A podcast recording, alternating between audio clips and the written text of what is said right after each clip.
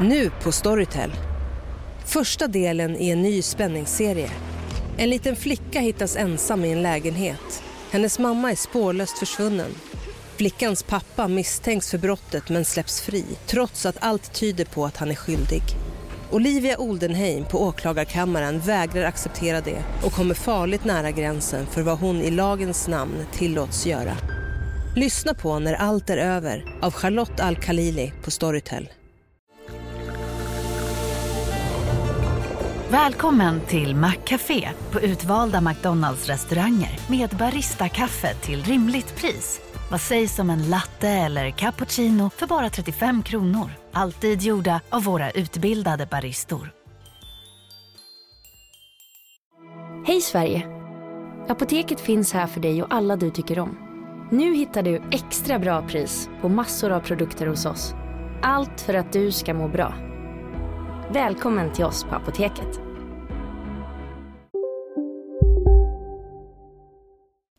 Detta är ett avsnitt som inte bara handlar om vad som hände i Oxnard, California i februari 2008. Utan det handlar också om vuxnas ansvar i deras roll i sitt föräldraskap. Ansvar som lärare, vuxnas lyhördhet och skolornas ansvar världen över.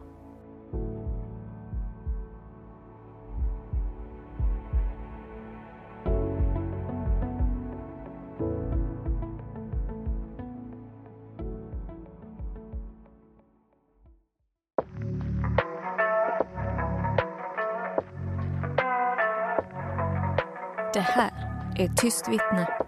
En podd om mord och försvinnanden.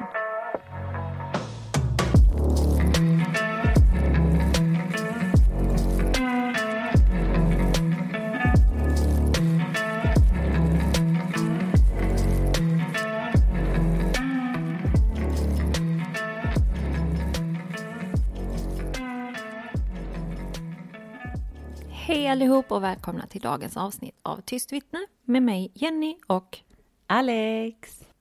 Jag vill börja med att säga en sak. Mm. Okej, så vi har kollat lite eh, var våra lyssnare finns i världen. Nej, just det. Och vi har sett att vi har lyssnare i vårt fantastiska landskap Västmanland.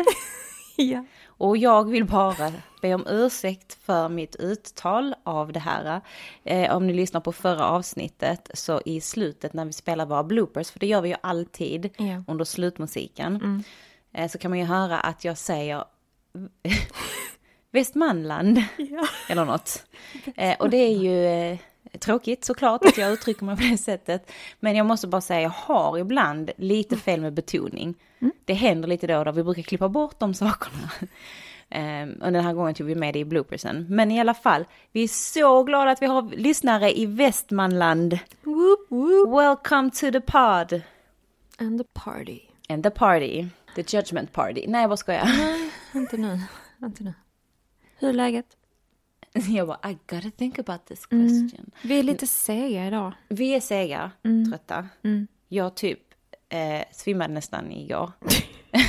Hon gjorde en rörelse som var för ungdomlig. Ja, det är sant.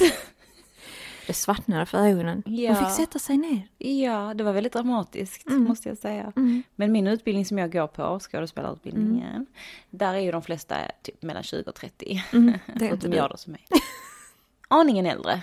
Men vi behöver inte gå in på hur mycket. Hundra år. Så vi gör mycket övningar för kroppskontroll. Mm. Mycket fysiskt, mycket mer fysiskt än vad man egentligen tror att det är på Mm. sådana här utbildningar. Och jag gjorde väl tydligen någon övning igår som var konstruerad för den ungdomliga kroppen. Mm. Mm. Eh, så mitt balanssinne flippar ut och bara typ you lie down bitch. You're not doing this. What the fuck are you doing to me? Så jag la mig ner. Ja. Annars är det bra. Ja. Hur är det med dig? Det är bra. Jag är trött. jag är trött. Idag Ja. är jag jättetrött. Det är Lite okej. tröttare än vanligt.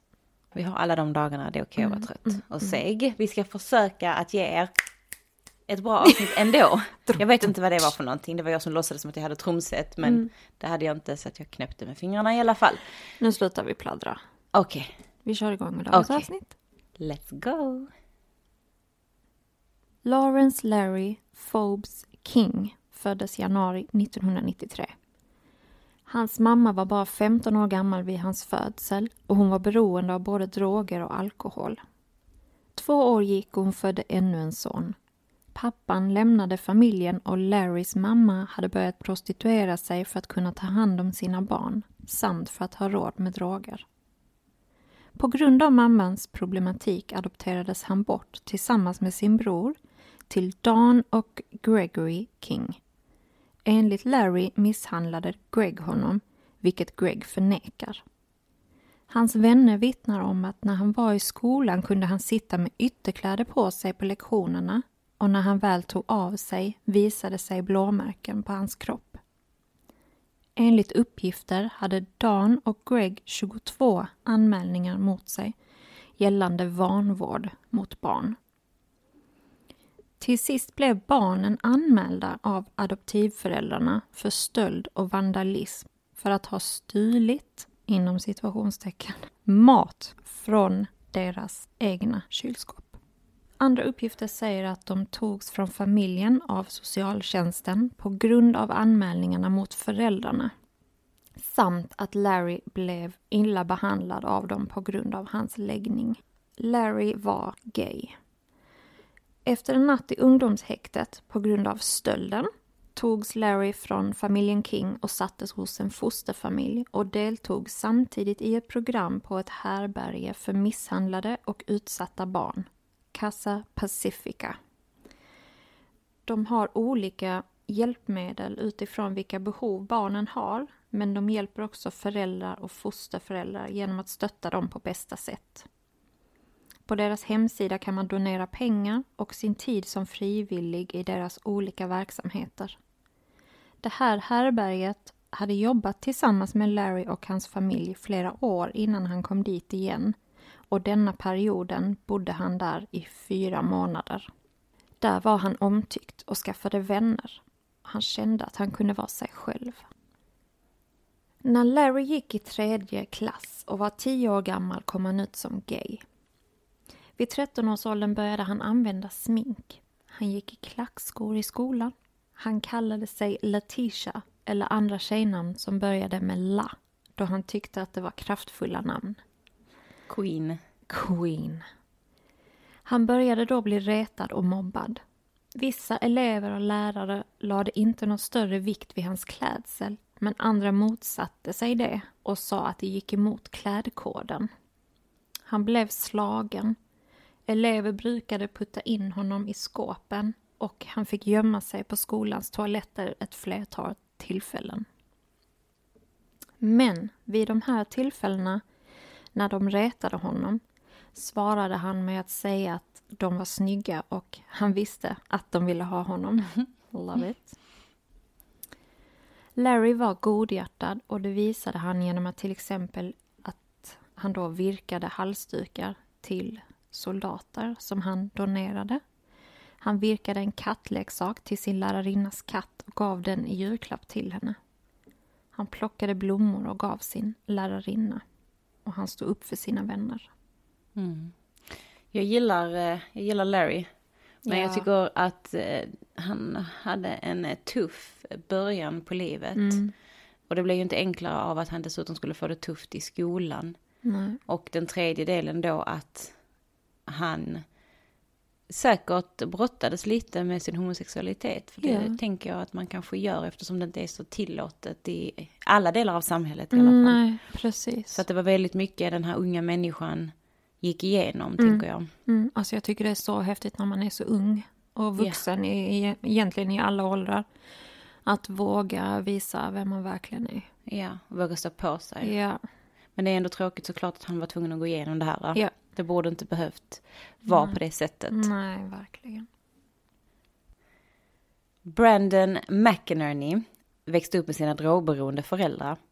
1993 anklagade mamma Kendra sin man William, han kallades även för Billy, för att ha skjutit henne i armen under ett bråk efter en familjefest de varit på.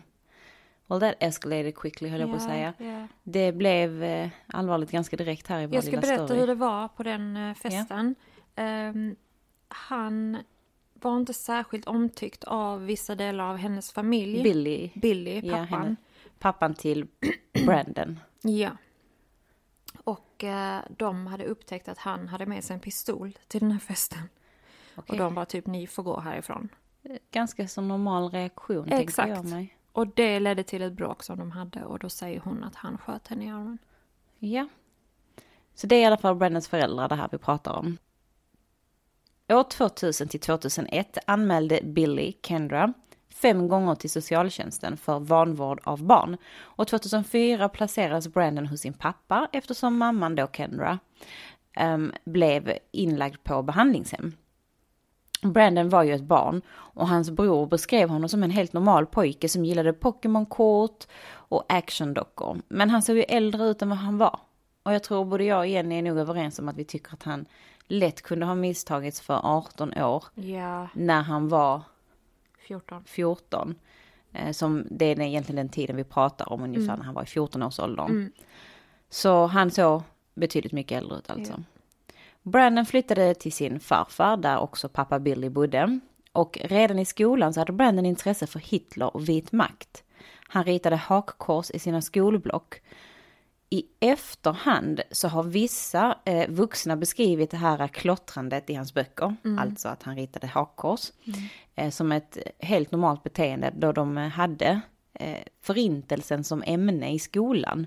Och att han då ska ha klottrat det här, eh, kanske då under den här perioden. Men, hur många hakkors har du klottrat Noll. genom livet? Noll. Eller vilken ålder den har varit i? Noll. Ehm, och jag tänker också att eftersom man, det är någonting man tar upp så handlar det inte om att han har gjort ett hakkors en gång för att han har Nej. testat att rita. Nej. Utan vi snackar om att han klottrar. Mm, han ritade fruktansvärda bilder. Ja, han Det kommer vi inte lägga upp på våra sociala medier, de här bilderna. Men alltså, Okej. det kan man googla fram. Det var alltså hemska bilder. Det var inte bara vanligt ett hakkors på ett vitt papper, utan det var liksom Ja, krossade davidsstjärnor och ja. så. Och det är också en sån sak som jag kan tycka är så synd. För här har vi, det är fortfarande ett barn vi pratar Ja. Mm. om. 14 år gammal. Och han ritade de här fruktansvärda bilderna. Och sen så försvarar vuxna beteendet. Ja, det är otroligt. Som att det skulle vara normalt. Istället för att Ja. se det som att, att okej, här har vi en, ett barn som Mm. uppenbarligen känner hat Mm. eller starka känslor gentemot ett visst, ja om det är folkslag eller en viss religion Mm. eller whatever. Var kommer det här hatet ifrån? Ja, Eh, För vi vet ju allihopa att hat tär ja, och får oss att må dåligt. Ja. Så uppenbarligen så mår ju det här barnet inte jättebra. ja. Eller Så- då försöker, eller så kan det ju också vara så att de inte vet vad det innebär. Utan söker liksom en tillhörighet till någonting. Så kan det ju definitivt vara också. Mm. Oavsett vad så hade man ju lätt kunnat gå in där och kanske försöka göra vissa åtgärder för att hjälpa det här barnet. Mm. Som lärare eller förälder eller bara Precis. bystander, liksom att försöka prata om Ja. det. Varför känner du så här? Varför ritar du detta? Precis. Alla vuxna i hans närhet. Mm. Eller att man tar kontakt med vuxna i hans Mm. närhet om man själv är lite ut, Ja. utomstående så att säga. Det är inte så lätt att kanske gå Nej. in och prata med ett barn som man inte har en relation till. Nej. Men man kan ju kontakta. Någon slags dialog. Ja. Ett par dagar innan alla hjärtans dag, när Brandon då var 14 år, så gick Larry fram till Brandon och frågade om han ville vara Larrys Valentine. Och Brandon stod med sina kompisar då när den här frågan kom upp och han tyckte det här var väldigt pinsamt. Och senare samma dag så ska Brandon ha sagt till Larrys kompis att du kan säga farväl till din kompis Larry för du kommer inte se honom mer efter imorgon. Efter händelsen så var ju Brandon upprörd och arg. Alltså händelsen med att han hade fått frågan om att bli Larrys Valentine. Han ville med hjälp av sina vänner slå Larry, men ingen av hans vänner ville hjälpa honom. Och då kom han på att han skulle skjuta Larry. I hans farfars hus, där han då bodde, fanns det många olika slags vapen. Och i hans egna rum i garderoben förvarades ammunition. Så en morgon gjorde Brandon sig i ordning för skolan som vanligt. Gick ut till bilen där hans pappa, eller då farfar, väntade för att skjutsa honom. Men han hade glömt något. Han gick in i huset igen och kom ut med en pistol i skolväskan.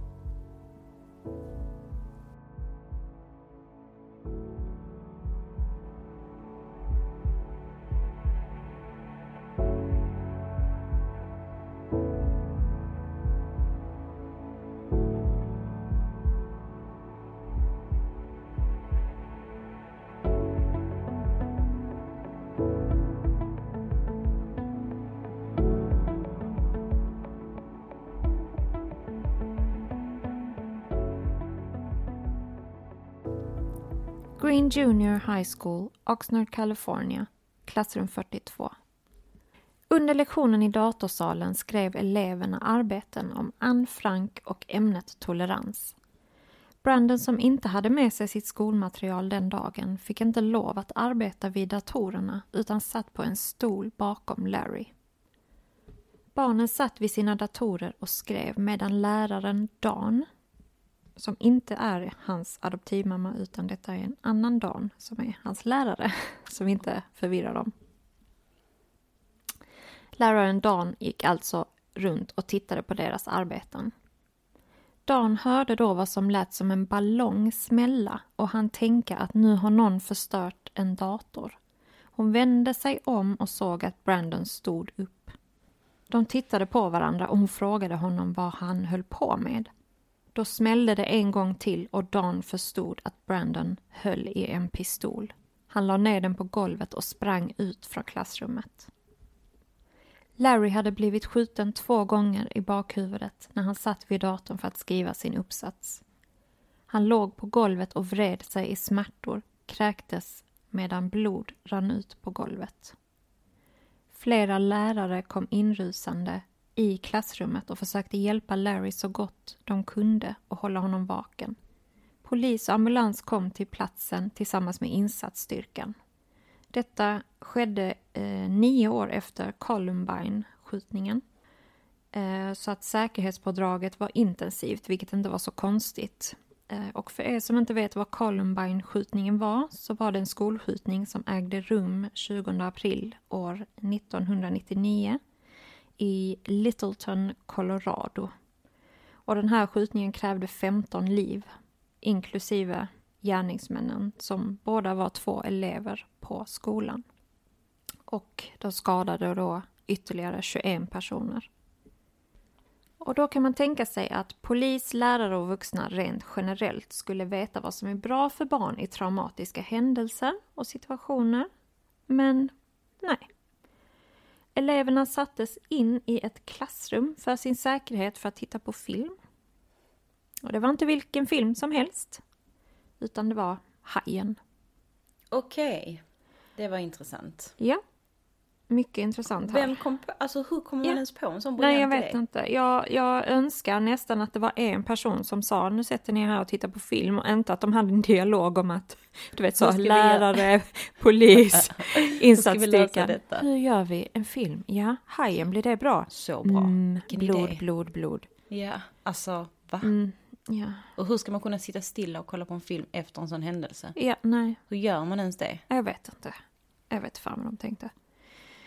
Och eh, då, de unga eleverna, precis som vi nu, förstod att eh, det var ett dåligt val av film.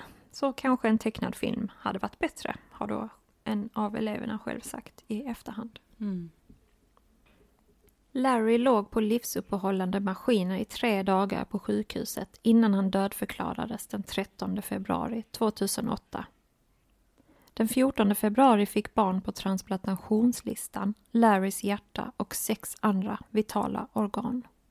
Lärarna meddelade att lektionerna skulle fortsätta som vanligt en kort tid efter Larrys död. Dan, läraren då, föreslog att eleverna skulle få laptops att jobba på så att de skulle slippa att sitta i datorsalen där deras vän blev skjuten. Men lektionerna skulle fortsätta på samma plats. Alltså för så, det, så hon kom med det förslaget ja. men typ skolan bara nej. Ja. De ska fortsätta gå. De ska sitta här vid de här datorerna i den här salen. Ingen kristerapi erbjöds till eleverna trots att de bad om det själva flera gånger. Alltså det här behöver ju inte ens en person som är utbildad Fatta. i kristerapi mm. eller i, alltså mm. utbildade myndighetspersoner. Mm. Det, det, inte ens de, alltså jag menar inte ens outbildade personer vill jag säga, ja. för jag vill inte vara o... Oh my god, alltså mm. alla förstår väl att man behöver ha någon form av mm. kristerapi, mm. alltså någon form av krishantering. Mm. Prata om det, kanske inte vara i det rummet, kanske göra om det rummet, jag vet inte. Nej prata kanske om Larry, kanske ha liksom mm. minnesstunder, alltså mm. man kan ju inte bara sopa det här under mattan. Nej. Det, går, det har ju aldrig funkat någonsin att göra så. Nej. Flabbergasting. På Larrys minnessida på nätet står det att han efterlämnar sig flera syskon, en lillebror, vilket vi visste om, men också två äldre bröder och en äldre syster. Och de här äldre syskonen tror vi då tillhörde Dan och Greg redan Okej. sen innan. Och Dan och Greg var ju hans adoptivföräldrar. Ja, okej, okej, jag fattar. Brandon åtalades för mord och hatbrott och rättegången höll på i 52 dagar för att sedan ogiltigförklaras då juryn inte kunde enas efter endast 18 timmars överläggande. I rätten var Larry enligt Brandons försvarare den som sexuellt trakasserade Brandon. De hävdade att Larry utsatte Brandon för mobbning Gay panic defense användes i rättegången och detta är ett försvar som fortfarande, otroligt nog, används i vissa stater i USA och på andra platser i världen. Och detta innebär att försvaret inte förnekar att den åtalade är skyldig utan använder då gay panic defense som försvar i då fallet om deras klient skulle finnas skyldig så blir det då förhoppningsvis enligt dem till ett mildare straff. Och när man då använder Gay Panic Defense för att påvisa att klienten inte varit vid sitt sinnesfulla bruk vid det begångna brottet för att, häng nu med, de har utsatts för oönskad uppmärksamhet av annan part av samma kön, oftast manligt. Och min hjärna ex- exploderar nu. Exploderar. I am Mm. going nuts. Mm. Eh, ursäkta mig. Ja. Så vadå? Okej, så att för att, för att då Larry visade intresse för Mm. Brandon så ska det ha i sin tur orsakat att Brandon har hamnat i någon mental state där han då skjuter Mm. Larry. Okej, så då, och då har Brandon ett mindre ansvar i... Mm, för att han Händelse. ville ju inte att en annan pojke skulle tycka om honom. Liksom. Nej, okej. Alltså jag kan förstå att det är känsliga grejer när man är 14 år gammal. Det är inte det jag säger, men det är ju inte Mm. det som är anledningen till att ett, ett barn som Mm. Brandon, som uppenbarligen mår dåligt, skjuter ett annat barn. Det är ju inte anledningen till det. Det är ju någonting helt annat som ligger bakom där. Och man lurar ju sig själv och hela jävla rättssystemet Ja. om man kör på den. Och den här försvarsmetoden har faktiskt använts i bland annat Australien, England, Nya Zeeland och andra gånger i USA också. Kan man säga så som kvinna då? Ja, Kan jag, Du- om någon, som de här äh, som är legitima på Facebook, kan jag gå Ja. och skjuta dem nu för det är o, jag vill inte ha den uppmärksamheten. Mm. jag vet. Hur många gånger har inte man blivit tafsad på tilltalad eller någon har ropat efter en fett olämpliga grejer. Men Och vad händer när man bara säger till? Ja. Vad händer när man säger Ja. ifrån? Då är det jag också med Ja. problemet. Mm. Jag vet, det är så Oh fucking my vridet. freaking, alltså nej. Mm. Inte okej. Hood mood på den. Ja. Så jävla mycket hoodmood. Alltså jag är så arg. Jag vet, jag vet. Alltså, Stackars Larry stackars Larry och alla. som råkar ut för det här. Ja. Ja. Kalifornien var den första staten i USA som avvecklade denna lag år 2014. I 13 stater, enligt uppgift från april 2021, så är lagen fortfarande tillåten att användas. I 13. Mm. Lagen slash försvarsmetoden, den är ju tillåten i lagen. Alltså det är lagligt tillåtet att använda det som ett försvar. Ja.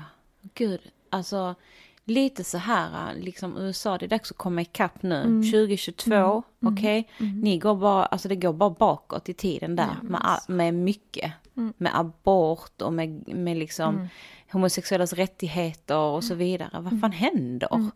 Allt arbete, alla människor som har gett så mycket av sig själva för sina och andras rättigheter. Alltså alla blir bara överkörda nu. Brando gick med på en plea deal och fick 21 års fängelse.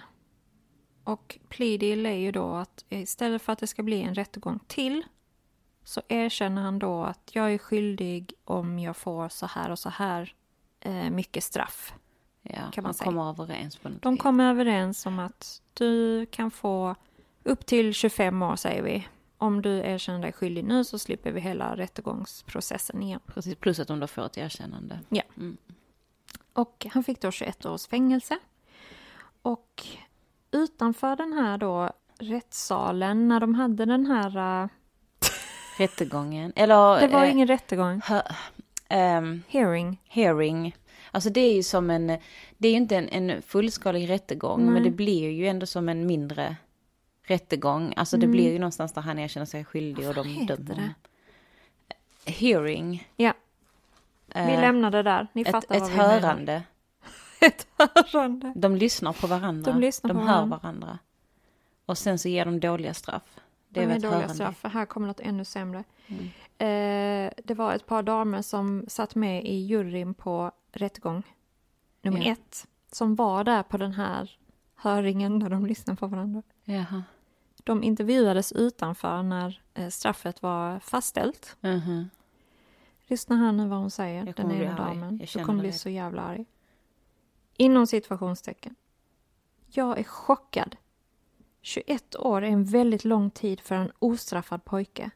Det är inte som att han har kidnappat eller torterat någon eller något annat som berättigar 21 år i fängelse utan möjlighet till villkorlig frigivning.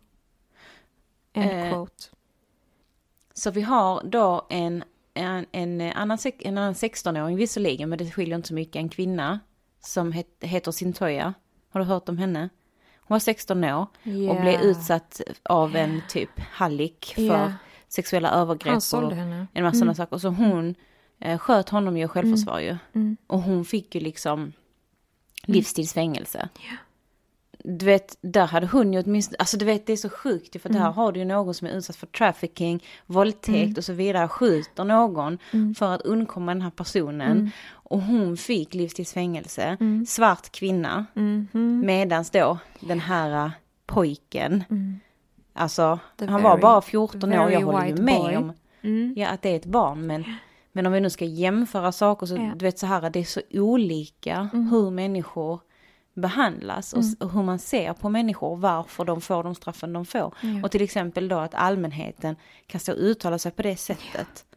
Ja. Om en sån, så- alltså du vet, Alltså du kan se det, det är liksom två supervita kvinnor som aldrig haft ett problem i hela sitt liv. Står där utanför och hon bara "Oh, This is so shocking.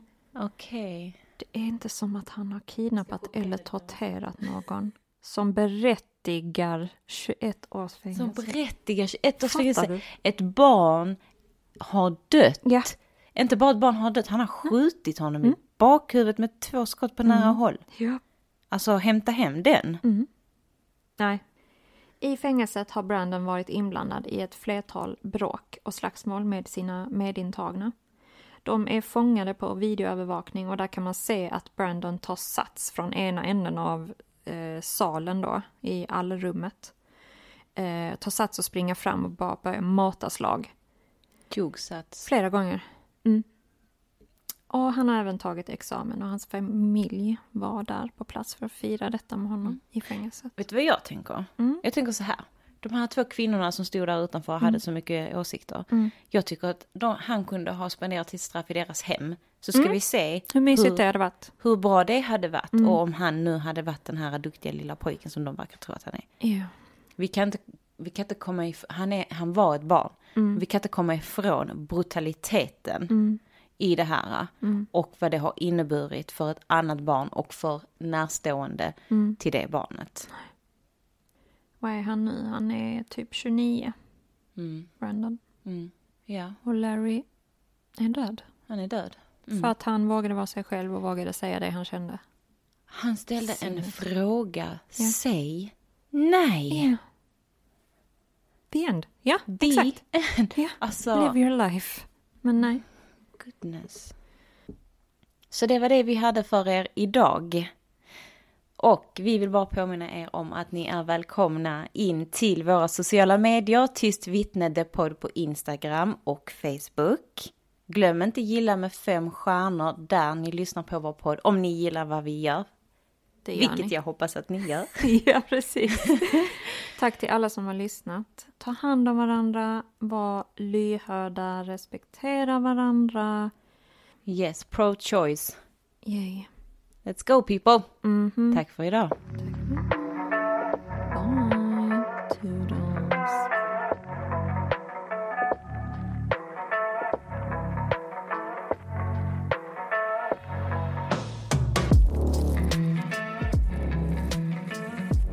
Står där utanför. Hon bara This is so shocking. Jag ska chockera ditt ansikte.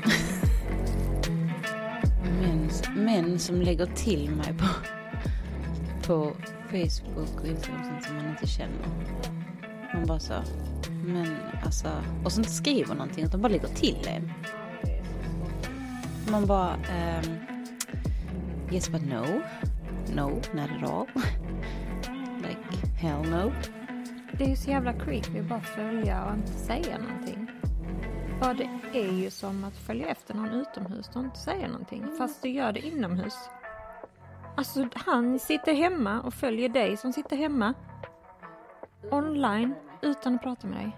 Stalker. Stalker vibes. Hej, jag tycker du ser trevlig ut. Jag börjar följa dig här. Du är intressant. Whatever. Still creepy, but it's like a communication. I'll show you some cellulites.